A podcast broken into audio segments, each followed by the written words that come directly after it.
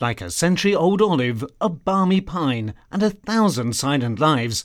Burning, a word that smells charred, hot as a flame, turning things into charcoal, raining down ashes. Burning is the ceramic sculpture I made during the Marmaris forest fires, every moment of which I witnessed in person, and it carries the pain of every single tree that suffocated as their bodies burned around the Aegean village where I live. It is covered with their ashes, carries their charred smell. It contains the hope that these fires will not reoccur, and the char scented memories within its kiln fired earthen material.